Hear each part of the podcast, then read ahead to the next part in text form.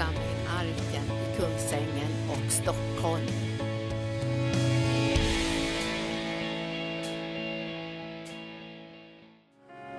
Och välkomnar vi det heliga Ande att göra orden levande för oss. Vi är här för att höra från himlen. Vi är här för att höra dina tankar, dina ord, din vilja uttalad som ska väcka tro i våra hjärtan. Vi är här för att ta emot vad helst du säger till oss och att vi ska ta emot det i tro. betyder att vi också vill handla på det, vi vill leva ut det, vi vill praktisera det, vi vill förhärliga ditt namn genom de ord som du har talat till oss, genom att göra det som du har sagt. Vi överlåter oss Herre till dig, vi proklamerar ditt herravälde över församlingen Arken, över oss som är här i gudstjänsten, över alla som lyssnar på oss och alla som följer oss på internet. Vi prisar och tackar dig för att vi får vara dina redskap i Jesu namn och församlingen sa Halleluja. Ja, äntligen är det söndag och eh, jag hör till de där som längtar efter söndagar hela tiden. Jag skulle vilja att de stod lite tätare så, så, så, som spön i backen. Så fort man slår upp ögonen imorgon så tänker man åh, det är söndag, tänker man. halleluja, äntligen är det söndag. Ja, så.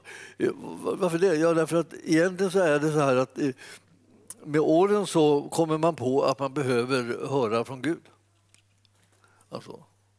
Det är inte riktigt säkert att man har kommit på det i tidiga år, så när man är ung, så ung och färsk. Så där. Men ja, en del är mogna så där också, de, de uppfattar det där. Men för de flesta av oss så tar det liksom lite tid också, så blir det, det blir, blir det värre och värre. Va? Man, man har, får en större och större beroende av att höra från himlen. Milde tid, hur ska det gå annars? Och, och, och det, där, det där börjar man ana, liksom. och man börjar tänka på det och man börjar uppskatta det och man börjar längta efter att få höra från himlen. Alltså, hur mycket som helst. Det finns ju så fantastiskt mycket kanaler för att höra ifrån himlen. Alltså, eh, så att, eh, eh, och samtidigt så kan man säga så finns det jättemånga utmaningar att kunna gallra bland det som är från himlen och det som är från jorden. Så man kan känna lite skillnad på vad det är för, vad det är för någonting som kommer farande. Liksom allt är ju liksom inte direkt så väldigt kristet bara för att det, eh, man säger att det är kristet. Utan man måste kunna skilja på det. Men ju mer du då läser din bibel desto mer kommer du liksom förstå eh, eh, vad, vad, det är som är det ena och vad som är det andra. Och, och ju mer du liksom får, får undersöker skrifterna Precis som en riktig sån Berea-kristen. Alltså de, de rannsakade skriften för att kolla om det var eh, på det sättet som Paulus sa att det var. Och när de väl hade kommit underfund med att han höll sig till skriften, då tog de emot det med öppna hjärtan. Och Paulus han blev så glad så han nästan sprack. Han tyckte det var det mest underbara han hört. Liksom, de undersöker saker, de tar ansvar och, och, och, nu så när de ser att det är sanning då tar de emot det utan någon reservation. Ja. Eh, det kallas för Berea-kristna. För det var i Berea som de var på det där sättet. Och han hade just kommit från, från en församling, eller försök till att bilda en församling i en annan stad där, där de absolut inte var på det där sättet. Utan det hade blivit en sån förföljelse så han fick rusa därifrån liksom, hals över huvud för att komma undan dessa liksom, som inte förstod vad det var för ett budskap som han hade och inte kunde känna igen sanningen. Så det där ni, är det någonting som vi egentligen står inför hela tiden? Att kunna skilja på det som är sant och det som är falskt. När vi har ett fantastiskt enormt utbud utav eh, budskap. Det är en välsignelse med de här många kanalerna som finns liksom, för, för, att föra ut budskapet. Det är, det är också en prövning. Så eh, man får använda det liksom med förstånd, då, andligt förstånd. Vi ber gode Gud ge oss andlig vishet och andligt förstånd. Alltså, då ber vi med Paulus, vi har ju det bland våra böner. Det är väldigt viktigt att bedja om att man får en sån utrustning så man kan liksom klara av det kristna livet. Sen är, sen är det ju så att, eh, att vi har en... Eh, I förra söndagen eh, så kläckte jag ur med några saker som jag har gått omkring och burit på ett tag och som jag ville att församlingen verkligen skulle veta och förstå. Då fick vi en kolossal attack på, på ljud och bild och allting. Så här. Så, att, ja. så det blev inte så där lätt att kunna liksom lyssna på det igen. Och det blev inte lätt för dem som skulle följa det på internet att liksom fånga upp det heller för det var ju svart ruta och tyst och, och mellan varven och så kom det tillbaka och så höll det på så här. Nu finns det ett sätt att få tag i det där i alla fall. Och det är att man går till den där så kallade podden. Alltså nu börjar jag prata inom ett område som jag absolut inte riktigt behärskar. Men det, jag, jag har förstått att det finns något som heter podd. Och det, det ligger till så att man går in på hemsidan och sedan så rullar man neråt där och så plötsligt så kommer en bild med Linda och mig med en liten, en liten trekant i så här. Och det är själva liksom podden. Där kan man få hela ljudet och ljudet är bevarat från predikan. Så om man vill höra den eller om inte har hört den eller man blev så irriterad så man nästan tappade sin helgelse när man satt där och skulle titta på det hemifrån. Då. Ska man vara riktigt säker på att man får höra predikan ska man vara här, så ni har gjort alldeles rätt allesammans. Men alltså det, det här är podden. Man. Det är som ett litet radioprogram då istället. Då. Och där står det liksom de olika datumen och så står det liksom då vilken söndag och liksom det är och så kan du klicka på den där söndagen så kan du få hela historien. Och framför allt så ni som, som inte var här, ni missade ju den uppbyggliga historien om eh, hycklingen lilla Kyllerylle. Rylle. Eh, som fick en kott i skallen. Det var mycket, mycket, bra story. Den ska jag inte återge nu. Den finns där på podden. Och den, den, var, den, den hjälpte oss att förstå andliga ting. Och framförallt eh, kanske känna igen oandliga ting och se dess, dess konsekvenser liksom, på något sätt. Ja, det var podden. Det här, var, det, här var, det här var ett nytt kapitel för mig. Jag gick ut här på, eh, det var, kändes som på gungfly, men jag, jag tror att det gick hem. Ja. Eh, ja, ska, idag så ska vi tala om det som, är, som jag märker är väldigt, eh, väldigt förvirrande för mycket människor eh, men som inte alls behöver vara det och det är inte kanske det för dig alls. Därför vi ska ta och försöka få, få klarhet om vilken skillnad det är på helgelse och rättfärdiggörelse. Och samtidigt så ska vi när vi tänker på de där sakerna så ska vi ta reda på vilken plats har de. För, det är så, för båda sakerna är naturligtvis någonting som Gud önskar oss. Han önskar att vi ska ha helgelse, han önskar att vi ska ha rättfärdiggörelse. Och det som gör att vi får det, vare sig det ena eller det andra, är en enda faktor. Det är en enda faktor som gör att du kan få tag i båda de här sakerna. Och den faktorn kallas för nåd. Ja, det är nåd. Nu blir inte jag nåd, ja, ja, nåd är rättfärdiggörelse eller frälsning. Så det är klart att det är nåd. Men helgelse det är bara hårt arbete. Man biter ihop, man kämpar. Man kämpar mot oerhörda uppgifter som, är, som man tycker aldrig man lyckas nå. Och så där. Nej, men så, nu, då har du gjort det här på fel sätt. Då. det, det, det, finns en ordning som man måste ha. Och när man har fått liksom, lagt en god grund kan man bygga ett hus. Och så dit med grunden först. Och grunden heter frälsning, pånyttfödelse och rättfärdiggörelse. Och det lägger man en grund av så att det blir så stabilt så det inte är klokt. Och man ger sig inte för den grunden är ordentligt lagd. Och det är av nåden är ni frälsta genom tron. Inte av er själva. Guds gåva är det. Ni förstår. Alltså det, är, det är väldigt viktigt att veta på vilken grund som frälsningen ligger då uppstår någonting, nämligen att man får en drivkraft. En drivkraft att leva ett annat liv än vad man gjorde tidigare. Men utan att den där grunden blir lagd ordentligt så uppstår inte den här drivkraften. Och den där drivkraften som kännetecknar kristet liv, som är det enda som kan säga att detta är kristet liv, den drivkraften heter kärlek. Alltså ingenting annat räknas som kristet liv än något som har drivits av kärlek. Så du kan vara hur tjusig som helst med alla dina grejer, olika saker som du fixar och gör och, och, och, liksom, och, och det skiner om det liksom över, du är duktig här och duktig där och så. Och det är fortfarande ingen, inte kristet liv.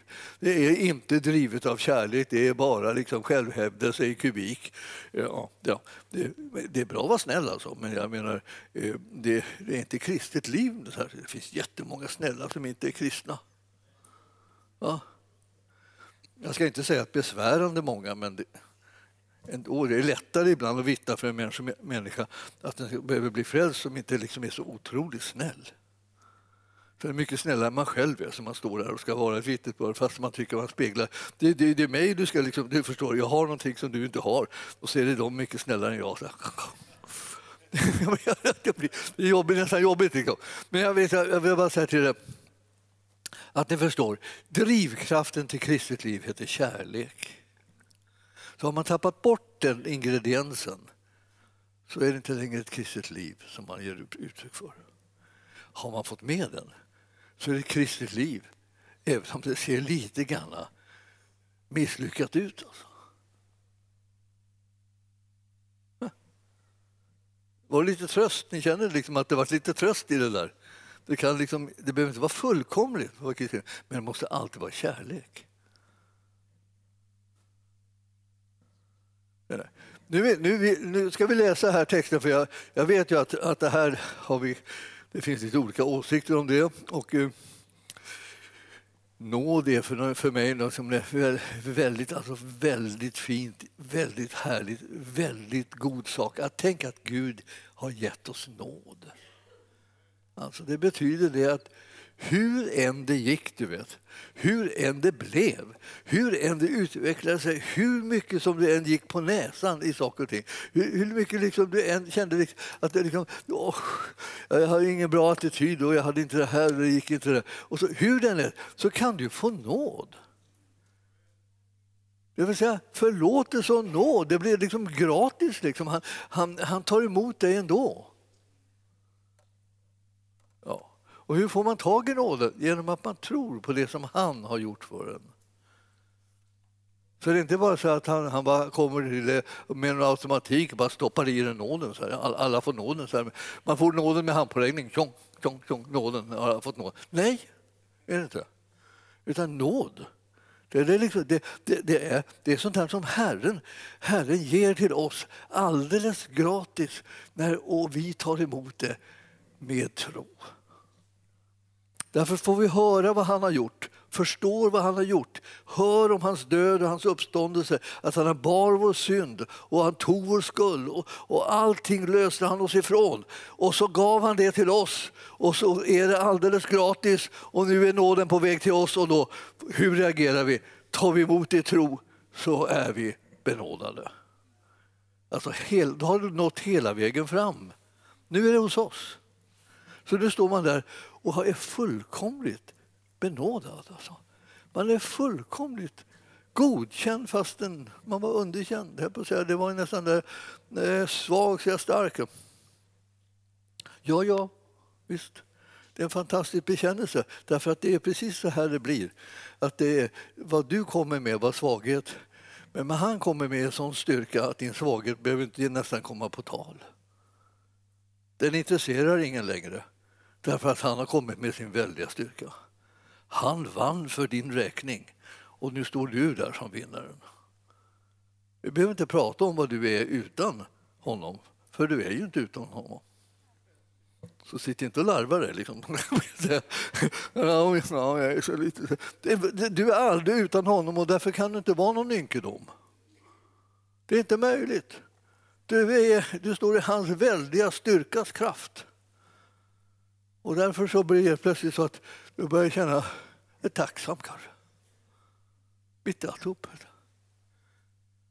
Du har märkt ibland att man kan stöta på människor som, man, som, är, som är tacksamma när man hade väntat sig att de skulle vara liksom förbittrade och liksom så här, gnissla tänder och så. så orättvisorna i världen. En del blir såna då när de märker liksom att de inte har fått och andra har fått och inte har blivit som andra har det. När de börjar gnissla tänder. Så men, men så finns det de som är tacksamma eh, utan vett och sans.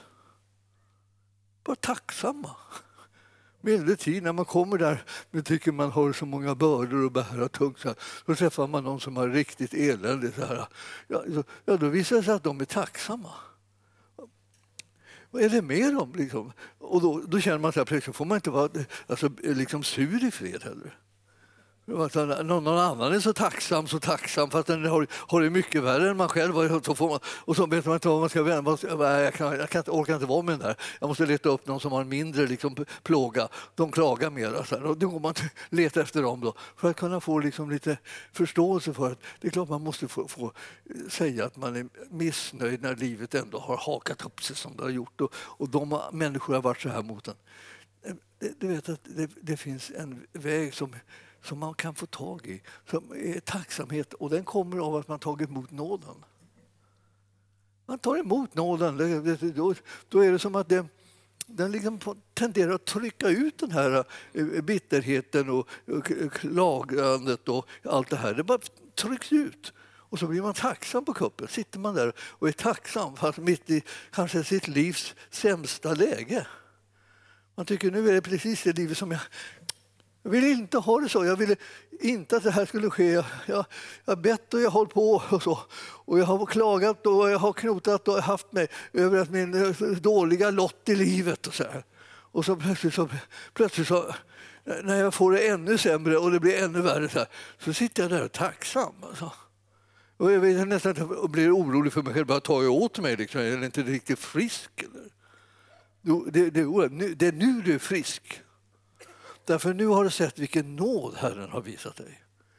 Den där nåden den lyfter dig upp över alla de här andra omständigheterna. Och de får inte negativa omständigheter längre någon makt med dig.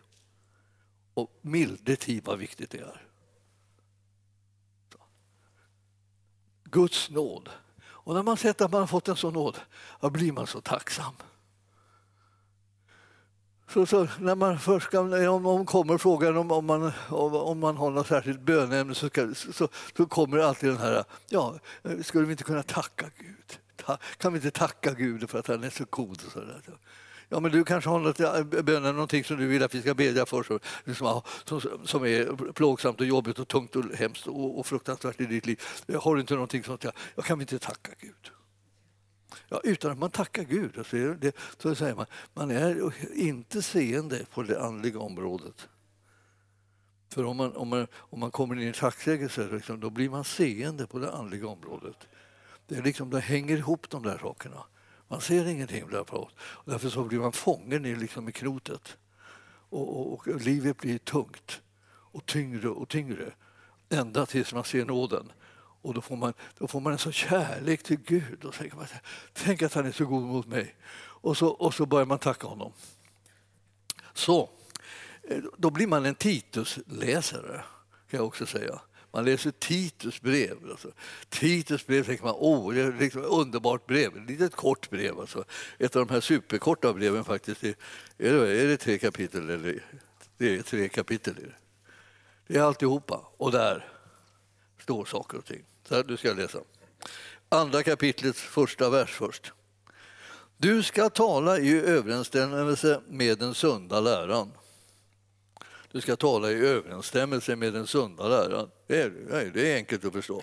Att, eh, Paulus vill att Titus inte liksom ska hamna in på några andra, andra spår utan, utan hålla sig till den här sunda läran. Det vill säga den lära som är, Paulus undervisar ut, evangelium. Han, han predikar evangelium, den sunda läran om vad det har blivit för konsekvenser av Jesu död och uppståndelse och hur man tar emot evangeliet genom tron och att evangelium är en gratis gåva till var och en som tror. Och det förändrar det här, vilka vi är. Vi är inte längre de samma sedan vi har tagit emot evangelium. Vi har blivit födda på nytt. Vi har ny identitet, vi är nya människor och vi är övervinnare. Och han som nu har tagit sin boning i oss, han är mycket större än den som är i världen. Så ligger det till. Det är, det är vårt nya, nya läge. Alltså, så, att säga så vi har ett slags frimodigt läge. Så efter det som bara känner vi, va? Vi retar på oss, vi tänker så här, mildetid. Vad går jag här och hukar för? Omständigheterna har inte ingen makt med mig. Han som bor i mig är större än den som är i världen. Så tänk. Tänk rätt så kommer du tala rätt. Tänker du fel så kommer det allt möjligt ut i munnen. Som bara blir deprimerad av att lyssna på dig själv. Det är väldigt svårt det där, därför att om man håller på att göra sig själv deprimerad genom att man pratar fel kommer man nästan aldrig undan den där typen som pratar fel. Vart man än springer så sitter den där och, och, och talar, talar på det där sättet som gör att man känner sig mindre och mindre värdig och mindre och mindre väl till mots och bara man bara sjunker ihop. Och eh, man säger håll tyst. Eh, eh, nu, nu, Herren ska tala. Man får ta med sig skriften och så får man säga så här säger Herren, lyssna till Herrens ord. Och så eh, bombarderar man den här lilla knotande typen som finns i, i ens inre som vill ge röst åt det som är förgånget istället för åt det som är verkligt just nu. De rösterna lyssnar vi inte till. Vi lyssnar till det här som Herren säger. Och från den där versen, då, första versen där, att vi ska tala i överensstämmelse med eh, eh, den sunda läran, så ska vi gå till elfte versen. Och nu, nu, nu, blir det så här oerhört bra så att det, man, får läsa, man får läsa sakta och koncentrerat för att det blir välsignad. Nu, då. Nu, ska vi, nu ska du bli välsignad och uppbyggd och stärkt och stabil så att du kommer känna liksom, jag vet vem jag är, jag vet på vem jag tror. Paulus han kunde säga sådana saker. Ja, jag vet på vem jag tror. Det är punkt slut, det är ingenting, ingenting att diskutera. Jag, jag har fått klart för mig de här sakerna. Jag, jag, jag går inte omkring och, liksom och, och, och surrar och undrar, undrar var hör jag hemma, var, vem är jag, vem, vem, är, vem är min herre och så, har jag någon? Och, så han visste visst precis. Till Guds nåd, står det i elfte versen, har uppenbarats till frälsning för alla människor. Alltså det här att det är gratis att evangelium är gratis, det är uppenbart för alla människor. Det finns tillgängligt för alla människor. En del skulle säga det, nej, det har jag inte märkt. Nej, men du vet att det, det, är ju inte det vi pratar om vad du har märkt för då skulle du snart inte behöva säga så mycket. För du har nästan gått som en blind höna genom tillvaron. Så här. Men, alltså det, men det är vad Herren har gjort är som, är, som är avgörande. Om vi börjar med att säga vad, vad har han gjort för någonting? För det betyder någonting först och det gör att du är räddad fast du inte vet om det. Så då ska vi nalkas det liksom på ett annat sätt än att du, att du har märkt någonting. Alltså, vi, vi struntar i det här att du inte har märkt det. Det, det, det tar vi sen, det är ett annat problem. Här på säga. Guds nåd har uppenbarats till frälsning för alla människor. Det finns en uppenbarelse om att frälsning kan ske genom nåd. Och den är en uppenbarelse som Gud har gett. Den är tillgänglig för människor, alla människor alltså. Så, när, när du börjar tala om det som folk inte har märkt ett enda dugg av, nämligen evangelium, frälsning för alla människor, när du börjar prata om det så har du Guds nåd som är bakgrund till det här och så har du en uppenbarelse som Gud har gett om det som backar upp dig när du börjar tala om Jesus, vad han har gjort och hur de kan ta emot Jesus genom tron. Det här uppbackas av Herren och hans uppenbarelses kraft. Alltså. Han kommer med sin ande och bistår dig så att du, fast du känner dig liksom väldigt, kanske lite ovan och osäker när du ska vittna så här, bry dig inte om det. Det är inte liksom så viktigt hur du känner det. Det viktiga är, det finns finns en uppbackning av uppenbarelse från Guds sida för att nåden som ges genom frälsningen den ska komma alla till del. Och när du då liksom kläcker ur dig sanningarna så är de verksamma med en väldig styrka som är på ett helt annat sätt. Du behöver inte sitta och tänka hur ska det gå, liksom, kan jag lägga de här orden rätt, nu kan jag lägga dem rätt. Ja, det, du, du, kan lägga dem rätt helt enkelt. Du behöver inte vara nervös. Säg bara vem Jesus är och säg vad han har gjort. Och så. Och på ditt sätt så kommer du märka att då kommer Herren med sin uppenbarelse och ger det här så att det kommer inom räckhåll för den som lyssnar. För det kan väcka tro i människors hjärtan även om de inte, även om de inte talar om det för dig när de har hört dig. Så det är bara att vara frimodig. Det är tystnaden som är det värsta för oss kristna. Vi är tysta. Sluta vara tyst. Tala om Jesus. Överallt, överallt. Överallt, överallt. Ja, men det verkar inte som de vill höra. Bry dig inte om det. Det är inte det som vi ute analyserar, om de verkar som de vill höra. Utan vi är bara ute och eh, talar om Jesus för att alla ska höra så att uppenbarelsen från Gud ska kunna liksom komma in i deras hjärtan och väcka tro.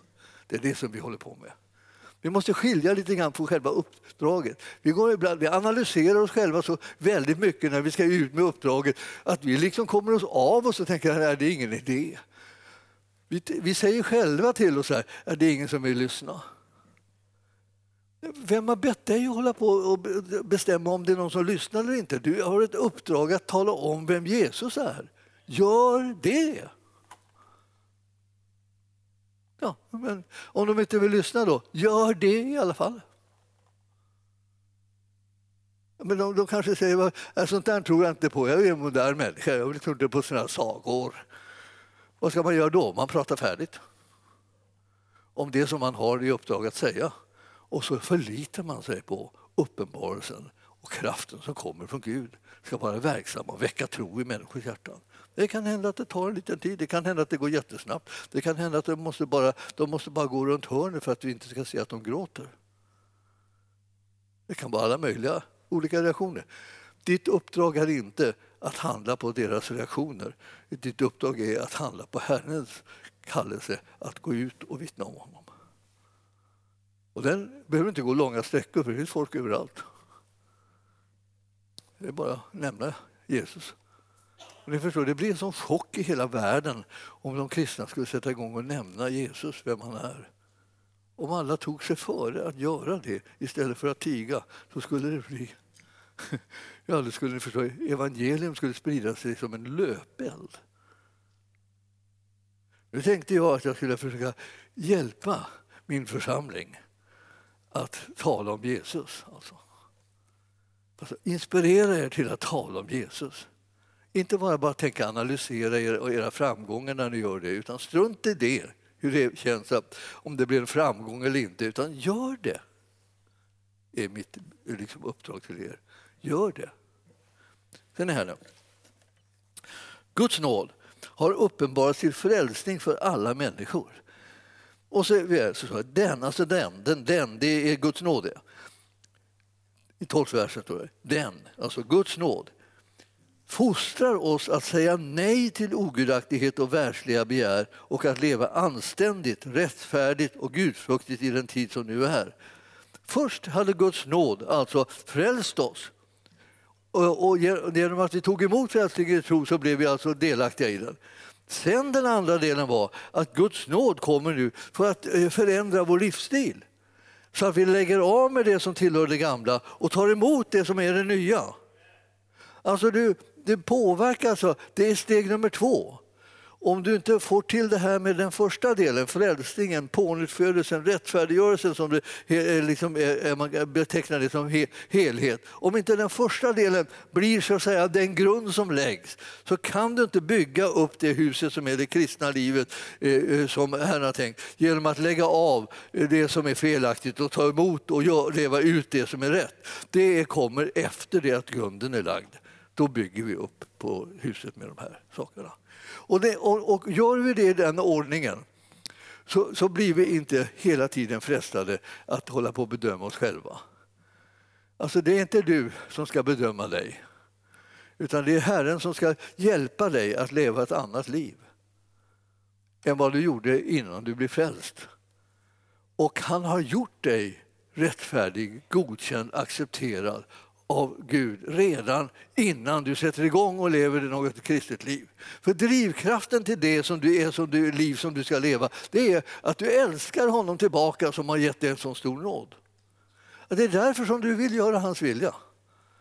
Det är inte så att han kommer in, vrider om armen på dig, pressar dig åt, åt något håll som du egentligen inte vill gå åt och så trycker han på dig och kämpar och du håller på och stretar och försöker vara emot och ibland är för och ibland så försöker du klara saker så att han inte ska hålla på och bråka mer och så. Ni har inte alls den relationen.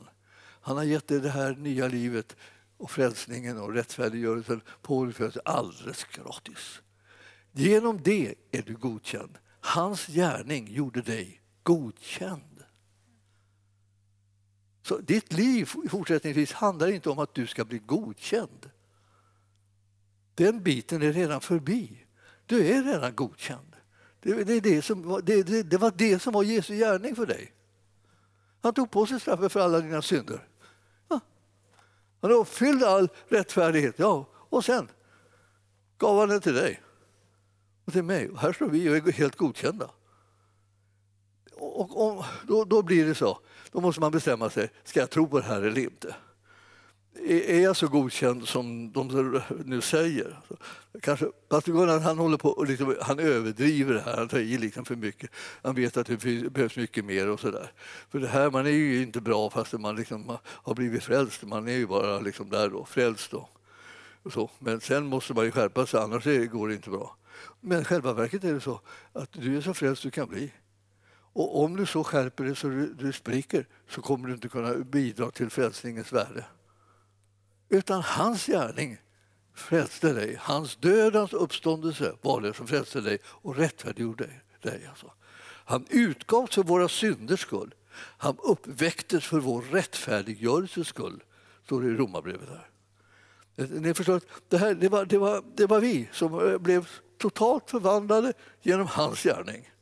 Och sen, sen kommer det att du blir så tacksam och får en sån kärlek till honom att du vill göra hans vilja. Och då kan inte du göra hans vilja utan att han hjälper dig. Nej, nåden kommer och verkar igen. Och det, var, och det är det som är det här liksom andra verket. Då, då. Och det verket gör det här som ni ser. Den fostrar oss att säga nej till ogudaktighet. Nåden alltså. Nu, nu kommer den alltså. Det, det, vad, gör det, vad ska han hjälpa dig med? Ja, först har han hjälpt dig liksom så att ta emot frälsningen och rättfärdiggörelsen och pånyttfödelsen gratis. Och sen för det andra, då, 12 versen. Den fostrar oss att säga nej till ogudaktighet, världsliga begär och att leva anständigt, rättfärdigt och gudfruktigt i den tid som nu är. Det är det som pågår nu sedan du har blivit frälst så håller du på att bli fostrad till att leva på ett annat sätt. Där du tar av dig vissa saker, slänger ifrån dig vissa gärningar och livsstilar och inställningar och alltihopa. Och så tar du emot en annan typ av livsstil från Herren. Och alltihopa det här ger nåden.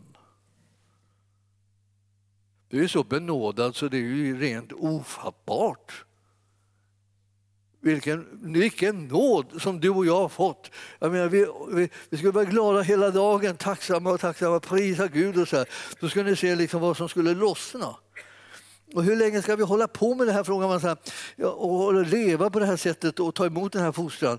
Alltså, det, ska vi, ja, det ska vi hålla på med, står det, medan vi väntar på det saliga hoppet att vår Gud och frälsare Jesus Kristus ska träda fram i härlighet. Så vi, vi ska hålla på med det här ända till det att han kommer liksom på himmelens skyar och hämtar hem oss till det härliga bröllopet. Alltså. Det ska det handla om.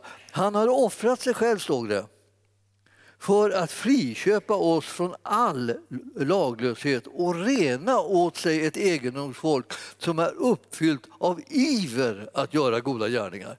Han renar åt sig ett egendomsfolk, alltså hans eget folk som, som, som har en iver att göra goda gärningar. Alltså, det här är du och jag. Nu börjar orden bli så här lite, lite liksom, man tänker så här, beskriver det mig det här egentligen? Liksom, hur pass ivrig är jag? Har jag en väldig iver att göra goda gärningar eller har jag en liten iver? Eller, eller en, ja, ett, ett litet ryck ibland eller någonting sånt här. Är, är det sanning det här? Alltså, han håller på och fostrar åt sig genom nåden ett folk som får en iver att göra goda gärningar. Alltså goda gärningar är inte oväsentligt i Guds rike utan det, det är ett uttryck för Guds väsen, goda gärningar. Alla de som tillhör honom, är födda av honom, har, har också fått, fått det här. Så att när ju mer de ser vem han är och ser vad han har gjort och så vidare så får man en iver att göra goda gärningar. Inte för ens egen skull utan för hans. Han är så god, jag vill ingenting hellre än att göra de gärningar som han vill ha gjorda. Och så är det goda gärningar som finns. Va? Milde till Max. Det här, är, det, här, det här är så bra så att jag menar, det här har ingen människa hört talas om. Ja, det är klart, en annan har vi kanske hört. Men, men ni förstår, det här, det här är nästan som man tänker, det här ju, handlar ju om, om glädje och tacksamhet och så. Eh, glädje och tacksamhet och, och kärlek och så, det, det är liksom tecknet på att man har hört någonting. Man har hört något.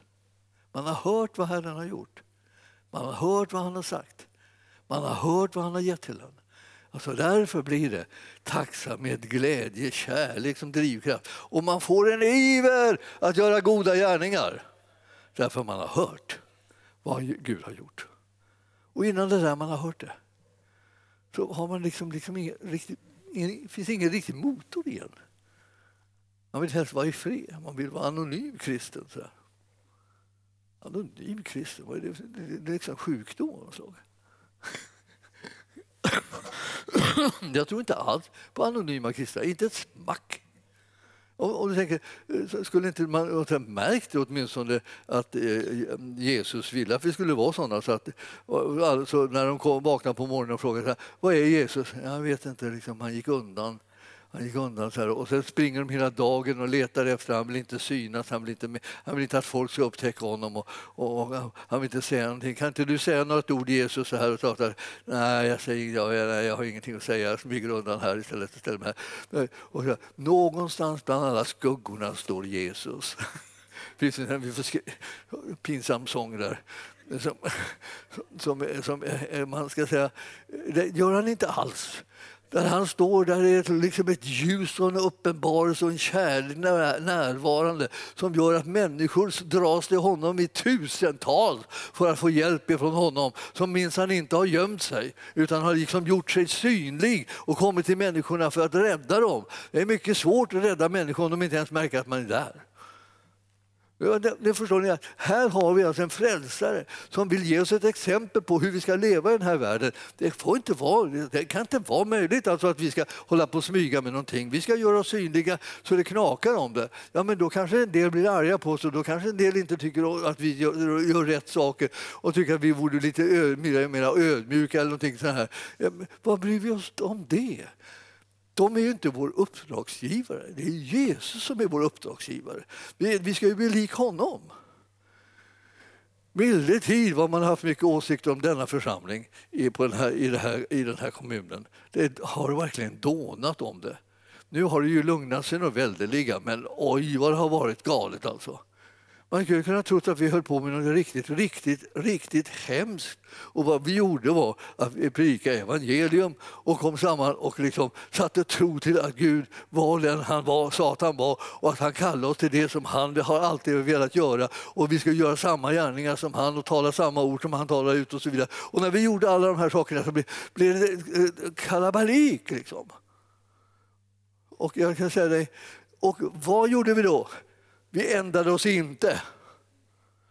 Och vi tänker inte någonsin ändra oss utan vi kommer att fortsätta att göra det här så länge vi lever. Därför att det här är det uppdrag som vi har fått av Herren och några andra uppdrag tar vi inte vi emot. Det är han som är uppdragsgivaren. Det är därför som vi det är därför som vi lever så här, det är därför som vi gör det här, det är därför vi predikar på det här sättet. Det är för att Herren har gett oss ett uppdrag och det här uppdraget delar vi med er. Och ju mer vi delar med er, ju mer var och en så att säga, gör sig delaktig och överlåter sig till det här uppdraget, desto mer kan vi åstadkomma tillsammans. Alltså. Men om, vi bara, här, om jag skulle bara stå här som en ensam pelikan i öknen och, och skrika liksom att vi gör någonting tillsammans och ingen vill det, då skulle jag väl säga då, då vore jag det mest ynkliga av alla människor. Det är ungefär lika ynkligt som om nu Jesus som, eh, som har dött och uppstått från tänk om inte han har uppstått från de döda. Det vore vi de mest beklagansvärda människor som finns i den här världen som säger att han har uppstått från de döda när han inte har gjort det. Ja, det. Och för att vi ska kunna ändra på det där då, för att man känner vi ska ändra på det så att vi får med varenda kotte i det som vi håller på med så, blir, så att säga, det gör vi det därför att vi vill att församlingen ska bli stark och Jesus ska bli stark och synlig i, i den här kommunen och han ska bli det genom oss så mycket som vi kan stå till förfogande och då blir det en härlighet och en kraft och en glädje som förvandlar människors liv och det är det som vi behöver liksom stå till förfogande för att göra. Vi är inte här för oss själva, vi är här för honom. Som vi sa det liksom förra söndagen. Alltså. Vi är här för att, för att göra hans vilja. Oh. Alltså, alltså jag tänker ibland så här, tänker, hur kunde jag missa det här så väldigt mycket när jag liksom var, var i den lutherska kyrkan? Så här, att fastän vi bad Fader vår så var eviga dag, dag ut och dag in, hela tiden det var Fader vår, liksom, Fader vår, Fader vår. Så jag tänker, sker din vilja så som i himmelen så och på jorden. Alltså vi, vi fyllde inte den tanken med något innehåll. Vi bara bad att liksom Guds vilja skulle ske, men vi tänkte inte på vad det kunde vara då. Vad kunde då hans vilja vara som ska ske? om han vill göra någonting, om han ska låta sin vilja ske, då, vad ska då jag göra? Samma som han förstås. Vi följer ju honom och gör samma gärningar. Vi, liksom, vi går i hans fotspår. Det han gör, det gör vi. Så. Vi, vi har ju läst våra biblar. Vi, vi vet ju att, det liksom, att vi ska leva som han. Vi ska lära av honom. Och första lärjungarna ut med er och gör Herrens gärningar. Liksom. Och eh, om det är minst, minst så måste ni åtminstone förbereda för att Herren ska komma. Så att ni går ut och talar om nu kommer Herren. Han kommer alldeles strax, han kommer här bakom. Han kommer, då, då, då kommer han göra underbara gärningar. Så här. Om du nu inte vågar liksom vara själva sändebudet och gärningen själv. Men efter ett tag så bryr du dig inte om vad folk tycker, utan du är det själv. För det är det som han har rustat sig för. Han fostrar lärjungar för att de ska lära sig av mästaren vad de ska göra. Och när de är färdiga, så ut och gör de gärningarna. Jag, jag, gillar, jag kan man säga kort och gott att det, här, att, det, att det är Guds nåd som har uppenbarats som har gjort att människor kan bli frimodiga. Och vi ska liksom be till Herren och söka honom för att vi ska få en absolut klarhet om och tro på att nåden är given och, och den har uppenbarat allt det här som Herren vill göra. Och han har gett det här uppdraget till dig och mig så att vi frimodigt kan göra hans vilja. Det spelar ingen roll om vi liksom blir godkända eller underkända liksom av världen. Man ska säga, nu för tiden när det är så ofantligt mycket liksom kollektivt skvaller så kan man säga eh, som, eh, bara, som en våg över hela världen liksom med, med sån här massa åsikter hit och dit så spelar det ju ingen roll. Man måste ju bara lära sig att vi, att vi kan inte bry oss om skvallret. Utan vad vi ska göra är att vi ska be oss om Herrens röst. Så vi liksom skalar bort det här skvallret Få vad, vad det vill. Vi har inte någon uppgift heller att sitta och analysera och analysera och bara fastnar i det. Utan strunt i skvallret, lyssna på vad Herren säger. Frågan är bara det, är det Herren som har sagt de här sakerna? Är det han som har talat eller inte? Ja. Och, och många som säger att det är Herren som har talat genom dem så här, är inte alls några röster från Herren. Man känner igen, genast att det här är något helt främmande som de håller på att kläcka ur sig. Eh, vi tar inte emot det. Utan vad vi, vi söker den Herre som vi redan har lärt känna och hans röst som vi också redan har lärt känna.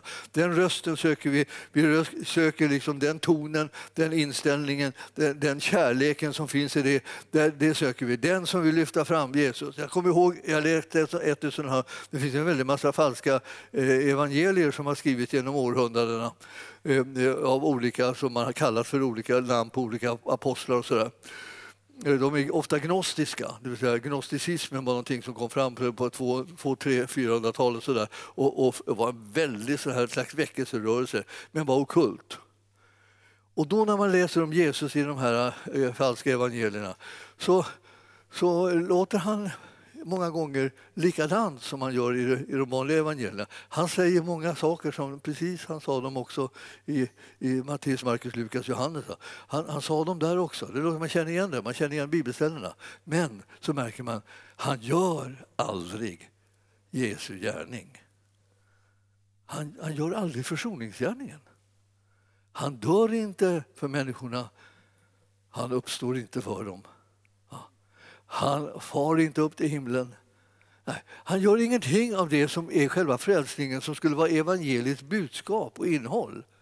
Han gör inte de gärningarna som frälser människor. Han pratar. Och pratar och pratar och pratar. Han, är inte liksom, han framstår mer som en, liksom, en liten viseslärare som säger lite, lite, lite förnuftiga, djupa, lite märkliga saker. Sådär. Och så säger han ett annat vanligt bibelord däremellan. Då. Och det, det är den Jesus är. Så tror man så här, åh, det här är ett evangelium som man vill att undanhålla folket. Nej, det här är ett evangelium som man vill beskydda folket för. För att det här är, det här är rena tokeriet. Det här är inte Jesus, det här är en förfalskning. Jesus, han är den som dör och uppstår för alla människors synd. Han är den som ser till att alla människor får höra att det finns en nåd som är given. Och han vill uppenbara det så varje människa kan, som hör om Jesu gärning och får tro på det och kan liksom på det viset ta till sig nåden och få frälsningen och kunna bli rättfärdiggjorda, godkända av Gud så att de kan känna sig trygga och glada och tacksamma och så småningom känner de jag vill jag bara ivra efter att göra Herrens vilja. Jag vill tala om honom, jag vill vittna om honom, jag bryr mig inte om vad människor säger för de har en massa åsikter men det är inte det jag lever på. Jag lever på det som Herren talar och det som han har gjort. Och, och, och det proklamerar jag den sanningen och när den sanningen blir känd så blir fler och fler och fler människor frälsta. Alltså, var inte rädd för människor. Var inte rädd för människor. Var inte rädd för människors åsikter. Bara bry dig om vad Herren säger.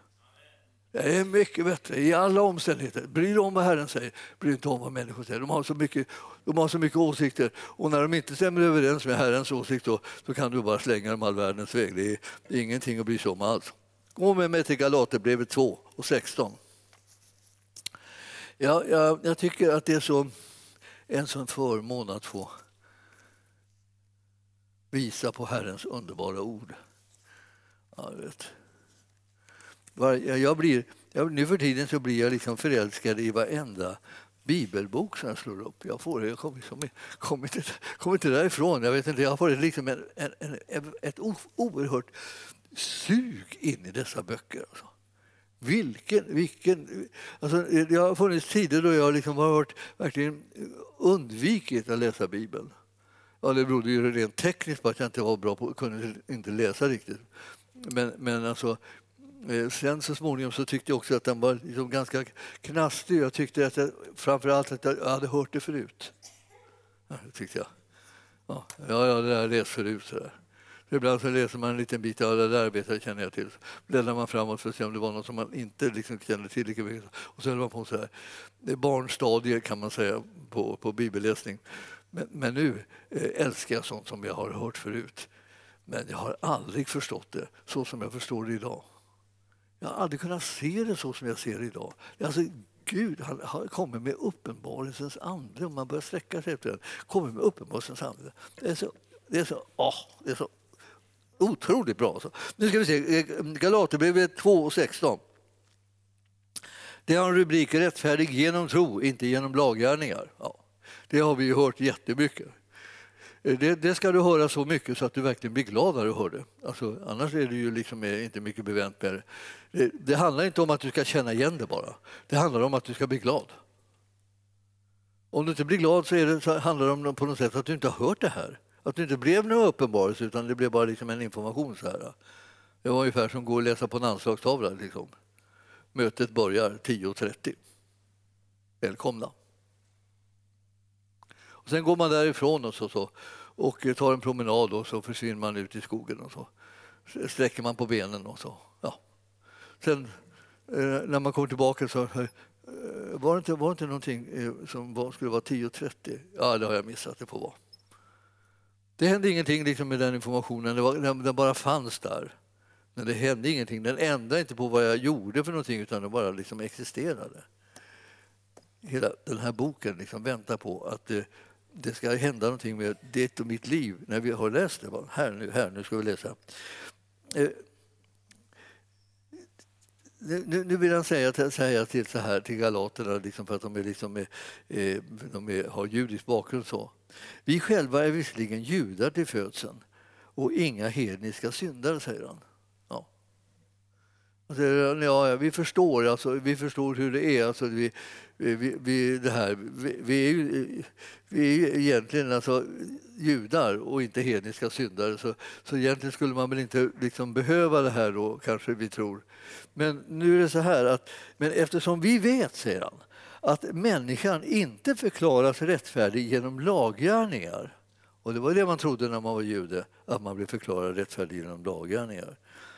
Utan eh, tro, genom tro på Jesus Kristus så har också vi satt vår tro till Kristus Jesus för att vi skulle stå som rättfärdiga genom tron på Kristus och inte genom laggärningar. Ty genom laggärningar har ingen människa, blir ingen människa rättfärdig. Har ni hört något så, eh, så eh, tydligt i hela ert liv? Är bland det tydligaste som jag hört. Han, han, han säger det flera gånger liksom, i samma vers, alltså, säger om och om igen att, alltså, att nu har vi visserligen varit judar så att säga, i, i det förflutna och liksom det är det som vi har räknat oss till. Men så nu har vi kommit på och vet att man blir inte rättfärdig genom laggärningar. Så därför räcker det här inte, utan nu har vi valt att istället bli rättfärdiggjorda genom tron på Jesus. Ja, för genom tron på Jesus blir man nämligen rättfärdig. Så tycker jag kort och gott, följ vårt exempel. Gör detsamma. Var som vi. Det spelar ingen roll att du har trott att det andra var rätt förut, nu är det här som gäller. Jesus har kommit, han är, han är frälsaren, han är den som gör oss rättfärdiga. Vi har bytt till oss hans rättfärdighet och han har fått vår synd. Halleluja. Bra byte. Ett Saligt byte till och med. Så om däremot det skulle vara så här, står det i 17 versen, att om vi genom att söka rättfärdigheten i Kristus, om det visar sig att vi ändå är syndare så skulle ju Kristus stå i syndens tjänst. Nej och åter nej. Ja. Det där har man liksom olika varianter för. Bort det stod det i den gamla bibeln. Bort det.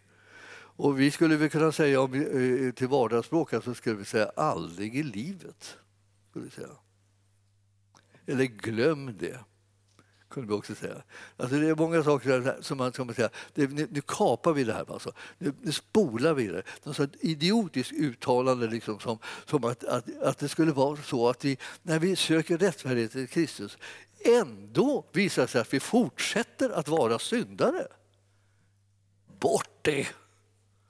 Det är klart att när vi har sökt rättfärdigheten i Kristus, då är vi inte längre syndare, då är vi rättfärdiga sen. Det var ju det som var poängen med hela saken. Så ni förstår att om du börjar räkna dig som rättfärdig så kan du ett, tu, tre, när du liksom tänker på det där för 51 gången, bli glad. Du kan bli tacksam. Du kan, bli liksom, du kan, du kan känna som om hela livet liksom lättar. Så här. Du kan andas ut och du kan tänka halleluja, milde tid, det här gör jag är fri.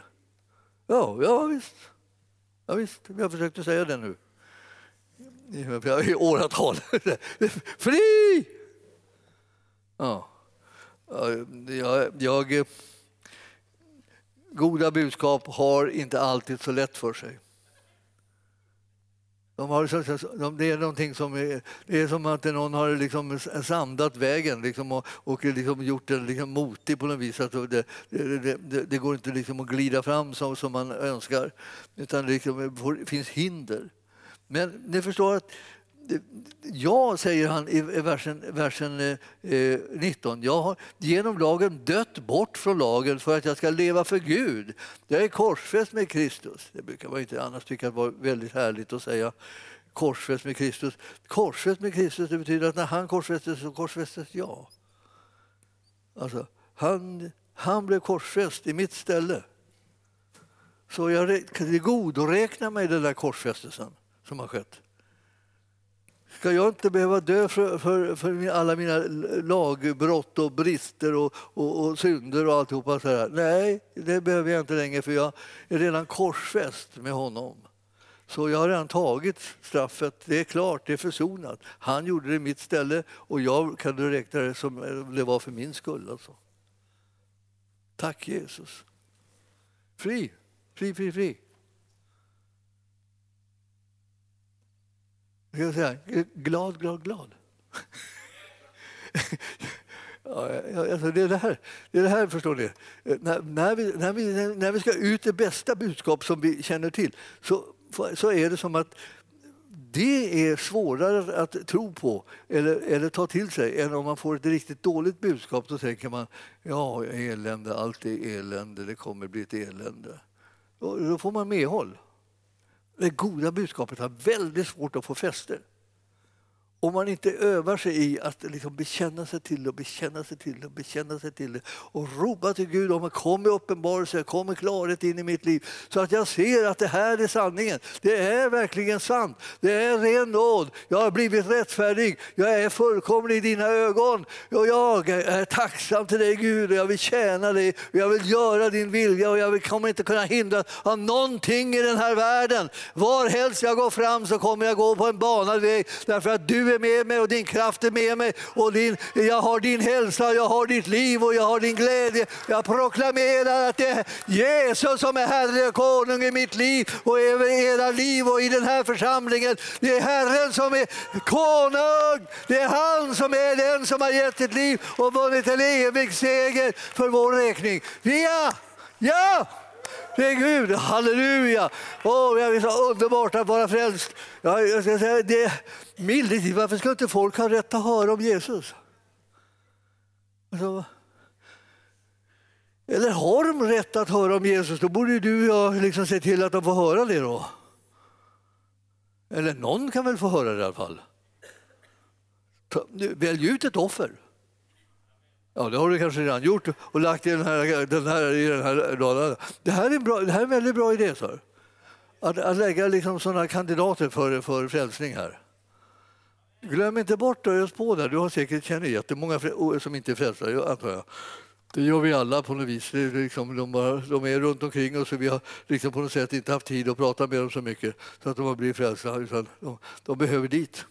Vi ska be för dem, de ska möras på det härliga sättet som när Herrens ande kommer att beröra dem. Och så ska, få, ska vi få se hur, det här, hur, hur härligt detta är.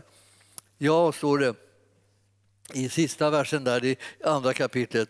Alltså, jag förkastar inte Guds nåd. Om rättfärdighet kunde vinnas genom lagen, då hade Kristus ju dött förgäves. Men nu kunde man inte vinna den genom lagen. Då måste Jesus Kristus dö i vårt ställe så att vi skulle kunna bli räddade och frälsta. Och det är det som har skett.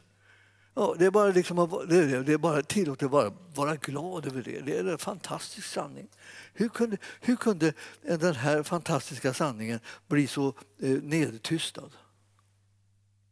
Hur kunde det ske?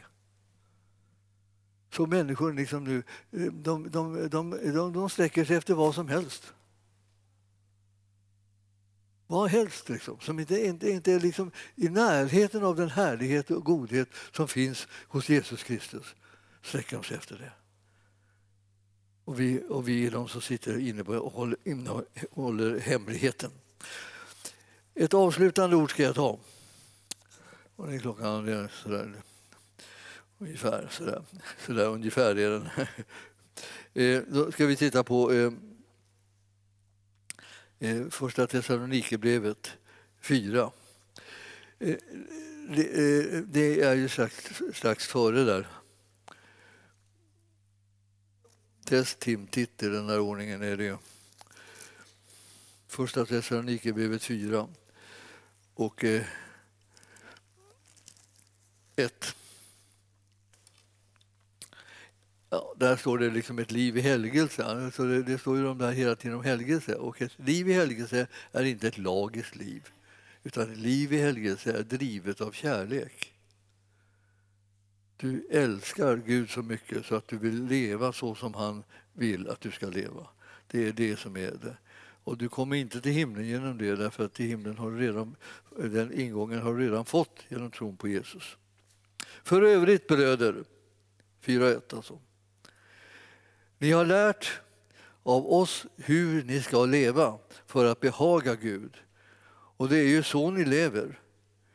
Nu ber och uppmanar vi er i Herren Jesus att låta ert liv ännu mer överflöda i detta. Ni vet vilka föreskrifter vi har gett er från Herren. Och då kan man tänka det, så man kan tänka på olika sätt med det där. Men om vi vet vilka föreskrifter som vi har fått av Herren, det kanske vi vet delvis. Om vi inte riktigt vet det kan vi ta reda på det. Kom ihåg att de här föreskrifterna handlar om livet efter det att du har blivit rättfärdiggjord och frälst och godkänd av Gud. De handlar om sådana regler som inte handlar om att du ska förtjäna himlen eller förtjäna evigheten eller någonting sånt där.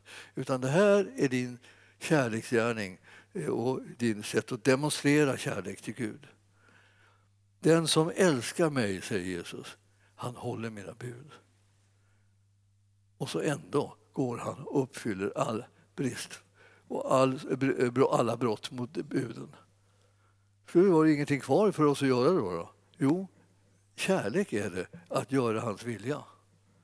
Och vi kan ära honom genom att vi gör det. Så om vi lyssnar efter Herren och inte lyssnar åt alla möjliga andra håll som bara gör livet fullkomligt förvirrat och konstigt. Utan lyssna efter Herren och så följer vi det som är hans vilja. Och, och jag ska avsluta med att säga att det, det, det speciella är att Guds vilja är församlingen. Alltså. Alltså han har en kollektiv liksom vilja, en kollektiv plan för oss allihopa och det är församlingen. Han vill att vi ska vara tillsammans och göra hans vilja. Det blir en sån oerhörd kraft i det. Och det är just där som vissa saker som Herren vill ha gjorda kan ske. Just genom hela kroppens samverkan. Och sen vill han att du ska upptäcka vilken plats och vilken funktion som du har i församlingen och ta vara på de gåvor som Gud har lagt ner i ditt liv så att du kan sätta till din skuldra just i församlingen så att det blir som han har tänkt det. Det här med församlingen det, det, ska ju en pastor naturligtvis tala om. Va? Men det är, samtidigt är det så här att det är den som har talat om det först och, och, och, och håller på med det hela tiden, det är Herren själv. Han är närvarande här på jorden först och främst i och genom sin kropp som är församlingen. Så man kan inte liksom bara hoppa över honom för att tycka att det, att det är så bökigt med församlingen, alla de här människorna. Som är, som är, de, de ska du älska. Och de, de kommer att bli allt lättare att älska desto ju mer de märker hur mycket älskade de är av Gud och vilken nåd de har fått och vilken, vilken godhet som Herren har visat dem. Alltså, de kommer att bli så underbara, och det blir du också. Det är så liksom alla sitter och väntar på liksom att du också ska komma. Alla ska komma. Alla ska komma och sätta till sin skuldra. Det är liksom i planen. Det är Guds kärleksplan. Det ska, här ska vi liksom, liksom bygga samman till en kropp som tjänar honom. Och vad vi frågar oss det är vad vill du att vi ska göra när vi har kommit samman? Vi är här för att göra hans vilja. Alltså, vi är inte här för att bli betjänade i första hand. I första hand är vi här för att göra hans vilja tillsammans. Sen kommer nästa delen hans gärningar. De behöver inte vi lägga oss i, de sköter han själv. Om vi sköter våra gärningar, nämligen att låta oss sammanfogas och göra hans vilja. Kan ni bli lite glada för det? Ja, lite grann, ja. Jag, jag, tycker det är helt, jag tycker det är bland det största under som finns när församlingen är enad och gör Herrens vilja. Alltså, och, och det är så härligt. Det är lättare förstås när man är en liten församling att kunna bli enad på något vis. Och kanske är den lättare också när den är precis nystartad att kunna vara enad också. För då är man liksom på något sätt bara glad över att man kom igång. Så, och, och så. Men, men, men, ni förstår att när, när helst församlingen väljer att sluta sig samman eh, så är det en fröjd att vara med i den. Var med och bidra till den där sammanslutningen så att säga. Vi kliver inåt, vi kliver närmare varandra och vi kommer att bli varandra till välsignelse och till skydd och till hjälp på alla möjliga sätt som vi inte trodde var rent var möjligt helt enkelt. Himmelske Fader, vi ber att du som har gett oss ett levande ord verkligen fortsätter att påverka oss i våra hjärtan så att våra hjärtan blir brinnande. Vi vet ju att när du talar och när du lägger ut ordet och när du förklarar vad du har gjort och vad det betyder så blir hjärtan brinnande. Allt ifrån den första vandringen på Emmausvägen då blir lärjungarnas hjärtan brinnande. Jag vill också ha sådär brinnande hjärta Herre. Låt det brinna för det som är din vilja oavsett hur det ser ut. Om det låter som att det var några dåliga dåliga rykten som kommer eller goda rykten, var rykten det än är så vill jag höra, vad säger du Herre? Berätta hur du ser på det så att vi kan kan verkligen bli eld och lågor för ditt rike och för din sak. Vi tackar dig Herre för att du har anförtrott oss evangelium. Vi vill föra ut det så att människorna blir berikade, så att människorna blir räddade, så att människorna blir trygga, så att de blir glada, så att de blir tacksamma, så att de kan drivas av kärlek att göra din vilja och inte ha någon konstig rädsla. Vi prisar dig för att vi bara får lyfta upp ditt namn Jesus Kristus. Det är du som är Herre och konung över församlingen och över våra liv i all evighet. I Jesu namn och församlingen sa Halleluja! Tack Jesus, tack Jesus. Halleluja.